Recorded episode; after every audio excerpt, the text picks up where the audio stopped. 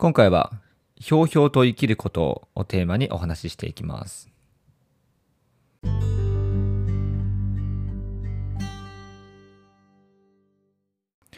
皆さんこんばんは。ヒロトのふらっと独り言。本日は月曜日配信を始めていきます。はい。えー、毎回ですね、このヒロトのふらっと独り言、まあ、結構何のかお聞きいただいた方は、まあ、大体その流れっていうのがあの分かっていただけるかなって思いますね。うんまあ、最初にタイトルを言ってその後に音楽を挟んでで内容が始まるっていう形なんですけれども、えー、これはですね僕、まあ、ある、えー、ポッドキャスターうんまあ、ラジオ配信のパーソナリティの方の、えー、真似をしてまして、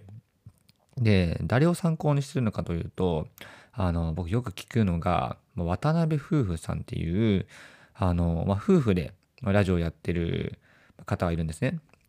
で、その方はもともと、えー、YouTuber であったり、えー、あとは今不動産投資家としての顔も持ってるということで、本当にま幅広い、ま領域であの活動をされてる方で、うん、で、まあ、その方の、ま配信っていうのが、まあ、すごく、まあ、聞き心地も良くて、うん、なおかつやっぱファンも多いということで、まあ、自分もそんな感じであの配信をできたらすごくいいなと思ったので、まあ、まずはねその人気のやっぱり、えー、配信者だからこそ、うん、いろいろと学ぼうと思ってやっぱ学ぶという言葉は真似るから来てるので、もう学ぶ上ではもう徹底的に真似てパクろうということで、ちょっとこういったスタイルを取らせてもらってます。はい、ということで、えー、ちょっとした、えー、自分のラジオスタイルについてお話をしたわけなんですけども、はい。えー、今日はですね、えー、ひょうひょうと生きることを、えー、テーマにお話をしていこうと思います。ひょうひょうと生きる皆さんなんとなく、まあ、言葉自体は聞いたことある方多いと思うんですけども、まあ、実際どういうのがひょうひょうとしてるのかってなんとなくイメージは、まあ、つきにくいのかなって正直思いました。はい、僕も、まあ、最近この言葉意識するようになったんですけども、うん、やっぱり、えー、一回聞いても、まあ、なんとなくそのまあえーまざっくりとした印象は持っていても実際にじゃあどういう人がひょうひょうと生きている人なのかっていうのが、ま全然知らなかったので、まあ、今回ですね、まあ、調べたこともあって、えー、ちょっと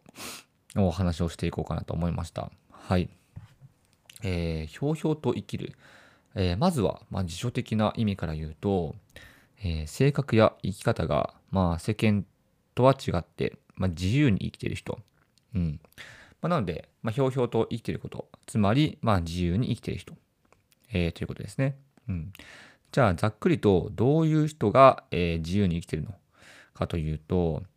えーまあ、基本的には、まあ、みんなが関心があることにあまり、えー、興味を湧かない人。うん。で、これがすごく面白いのが、まあ、別に自分の中に、まあ、強力なもう軸があるわけではないけれども、それでも、まあ、あの自分の中で、まあ、価値基準を持っていてそれに従って行動している。なので、えー、あまりこだわりは強くなくかつ周りの目もあまり気にしない、えー、そんな人がひょうひょうと生きている人というふうに、えーまあ、一応は書いてありました。うん、なので、まあ、ここからも言うように、まあ、他人にあまり興味がない他人が興味あることにあまり関心が向かないうん、もう自分の軸で生きてる。まあそんなことが言えるんじゃないかと思うんですけれども、えー、これはですね、例えば、うんまあ、SNS とか、まあ、すごく分かりやすいかなと思いますよね。うん。今ってもう SNS とかね、まあ、LINE も含め、えー、Instagram、えーまあ、YouTube も最近は入りますね。まあ、そういうのも含めて、えー、いろんなインターネットを通じて人とつながる、えー、ツールっていうのが、まあ、出てきたと思うんですけれども、えー、一時というか、まあ、今もそうか、うん、その SNS を、えー、人とつながる場として使うだけではなく、あれ、ああいうのってまあ、いいねとか、まあ、フォロワーとかが、まあ、つくので、えーまあ、他人からの評価っていうのが、もろにあの分かるようになってるんですね。うん。まあ、こういったものも、おそらくまあやってる人多くの方は、えまあ、少なからず、まあ、意識をしたり、まあ、いいねを増やしたいとか思ったことはあると思うんですけども、うん。まあ、ひょうひょうと生きてる方は、まあ、こういう、まあ、いいねとか、フォロワーとか、まあ、他人からの評価に、まあ、そこまでか、あの、関心がない。まあ、そんなそうなのかなって思いますね。うん。なので、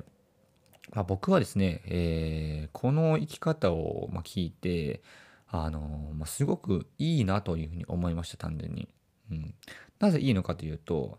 えーまあ、一番大きいのは、脱力をしてることですね。うんまあ、自然体で、まあ、生きられてるなっていう印象を、まあ、すごく受けて、はいまあ、やっぱり、まあ、人間もう無意識のうちにあの生活してれば力が入ってしまうものだと思うんですよ。うん、でその理由っていうのも、えー、やっぱりですね、まあ、この日本は特に、まあ、誰かとの競争で、まあ、成り立っている、うん、そんな社会かなと思います。うん、うん、まあ民主主義っていうね一つのなんだろうな、まあ、国の形態上、えー、仕方がないかもしれないんですけども、まあ、それこそ、えー、会社とか、ね、学校、まあ、もしかしたら家族内ですらもういろんな人と、まあ、競争をしてそして比べられて、えー、僕らは、えー、成長して大人になっていくと。うん、で大人になった後も、えー、その、まあ、競争や比較っていうのは、まあ、相変わらず続いていて、うん、それが、えー、もしかしたら、まあ、死ぬまで続くかもしれない。なので、まあ、どうしても、えー、自分の中に力が入ってしまう、まあ、生き方を強いられているわけなんですね。うんまあ、ここはおそらく多くの人、えー、感じてると思います。うんえーまあ、競争が別に好きじゃない方でもどうしてもそういう世界に放り込まれてしまえば、えー、やらざるを得ない。うんまあ、僕も今営業をやってる身ではあるんですけども、えー、やっぱり、え、同期であったりとか他のあの同じ社員の方と比べられるってことはもう日常のようにあって、まあ、それはまあ致し方ない部分はも、えー、あるとは思うんですけども、まあ、どこか、えー、まあ疲れる、うんまあ、そんな、まあ、状態かなと思いますね。うん、なので、まあ、ひょうひょうと生きる、えー、ということで考えると、うん、やっぱりですねそういった競争はあったとしてもそこにあまり、えー、重きを置かずあくまでも、まあ、自分のペースを持つこと、うん、そして余裕を生み出すことに対して、えー、自分の、まあ、基準を持っていっているので、まあ、言ってしまえば、まあ、そこまで疲れる生き方じゃないんですよね。うん、なのでそういった意味では、うんまあ、なかなか勇気のあることかなとは思うんですけども、うんまあ、すごくですね、まあ、楽に生きられてるなっていうそんな感覚がします。はい。えーまあ、どうしてじゃあこのひょうひょうと生きてる人はまあ、こういうスタンスが取れるのかというと、えーまあ、おそらくですね、あの自らのパーソナリティを、ま、明確に意識していることが、えー、一つ、ま、理由としてあるんじゃないかなと思いました。うん、で、まあ、明確に、えー、自分というものを認識していてかつそれを自分自身で認めている。うんえー、さっき、まあ、他者の評価がはびこってる、ね、世界だっていうふうに言ったと思うんですけどもそうではなくてあくまでも主体は自分であると。うんまあ、他人の評価がどうでもいいとまでは言わないけれども、えー、まあ、自分が満足すればそれでいい。まあ、結構自己中な、えー、ところでありますよね。うん、旗から見ると。まあ、だけども、まあ、その自己中であるがゆえに、うんまあ、自分の幸福度は自分が決めるということが、まあ、徹底されてはいるので、はい。まあ、そういった意味では、えー、すごくですね、まあ、自然体でいられるそんな生き方だったかなっていうふうに思いましたね。うん、じゃあねどうしたらこういうひょうひょうと生きることができるのかと、うん。まあ、僕自身考えたんですね。うん、そうですね、まあ、最近すごくそういう、まあ、生き方とか、うん、なんだろうな、えー、自分は何がしたいのかとか、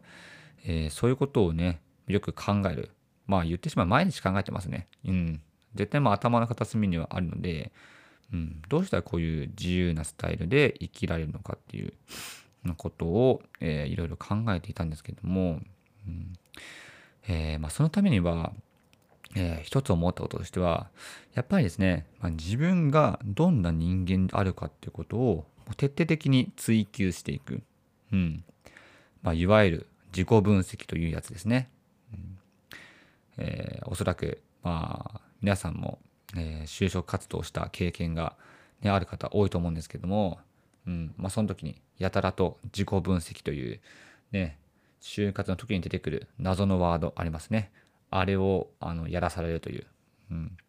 まあでも実際あのやったことで、まあ、自分がどういう、うんま、仕事に就きたいのかでどういうあのな、え、道を歩んでいきたいのかってことは、まあ、ある程度分かったと思うんですけども、まあ、いざ、まあ、就職をしてしまうと、まあ、辞めてしまう方が、まあ、おそらく多いのかなって思います。はい。なんですけども、やっぱりそのまあ年齢も重ねればそしてまあキャリアも重ねれば当然自分の中で、えー、まあ、学生時代はこう思っていたけども全然今は考え方が違うなっていう部分あると思うので、えー、ま、定期的に自分の、ま健康診断を、えー、自分でする必要があると思っていてでひょうひょうと生きられてる人っていうのはここが、ま、すごく、え自分の中で落とし込めてるのかなってすごく思いました。はい。なので、まあ、この自己分析をするっていうのは、え、おそらくですね、まあ、僕も含めてあのほとんどの人、まあ、できると思うんですね。うん、別にそんな何時間もかけて、え、1日例えば、まあ、2時間かけてもうひたすら、えーまあ、自分を振り返る、まあ、そんなことはせずとも、えー、例えばですね、えー、僕が今、え、このラジオやってるのも一つの、え、手段ではあるんですけども日々やってることをなんか、え、何でもいいからアウトプットしてみる。うん、自分が、ま、考えていることとか、え、自分がやりたいこととかそういったものを、まあ、内に秘めるんじゃなくてもう誰かしらにしゃべる。もしくは、まあ、一人でブツブツ言うのもいいと思いますね。うん。まあ、僕はすごくもうラジオっていう環境があのー、まあいいツールだなと思ったのでまあ、使ってるだけではあるんですけども、うん、やっぱり自分が、えー、どういう考えを持ってるのかっていうのは、まあ、自分の中にとど、えー、めている段階ではなかなかねそれをあの自分の中で気づくことは難しいと思うんですね。他人に話して初めて、まあ、気づくこともありますし他人に、えー、情報として発信してその、えー、フィードバックが来て初めてえー、まあ、自分がこういう人間であったというふうに、まあ、認識することもあるのでやっぱりアウトプットして自己分析するっていうのはあのすごく大事な、えー、要素かなって思いました。はい。まあ、なのでね、うん、そういった形で、まあ、ひょうひょうと生きる、えー、自分らしく生きる、まあ、自然に生きる、うん。まあ、最近でも、まあ、多くの本ね、まあ、出てると思うんですけどもやっぱり最終的には自分で自分を、えー、認識してそして、えー、その出てきた軸に沿って、まあ、生きていく、まあ、これが、まあ、ひょうひょうとして、えー、生きていく、まあ、一つの、えー、方法なのかなってすごく思いました。はい。うん。まあ結局はもう自分が満足してるかどうか自分の満足度がどうか幸福度はどうなのか、えー、そこに、日々向き合っていくのが、えー、非常に大事なのかなと思うので、はい。まあ今日はですね、うん、ちょっと生き方について、えー、焦点を当ててお話をしてみたんですけれども、はい。まあ、僕もね、こうやって言ったからには、しっかりとこのラジオを続けて、えー、毎日、え、毎日もしくは、まあ、1日おきとか、はい、に、日頃思っていることを、まあ、アウトプットする意味でも、まあ、しっかりと、えー、続けていこうかなと思いました。はい。まあ、もしね、なんか生き急いでる方とか、あの、まあ、そんなに多くないか。うん。ちょっとね、今、自分が、まあ、行き詰まってるなっていう方がもしいたら、まあ、ひょうひょうと生きるで、あの、検索してみて、あの、ぜひとも調べてみてほしいなと思います。うん。すごく心が軽くなる、えー、そんな生き方かなと思うので、僕もこれを、えー、目指していこうと思います。はい。えー、そんな感じで、今日は、ひょうひょうと生きることについてお話をしてみました。はい。えー、また明日以降も元気に配信をしていくので、ぜひとも楽しみにしていてください。それでは皆さん、バイバイ。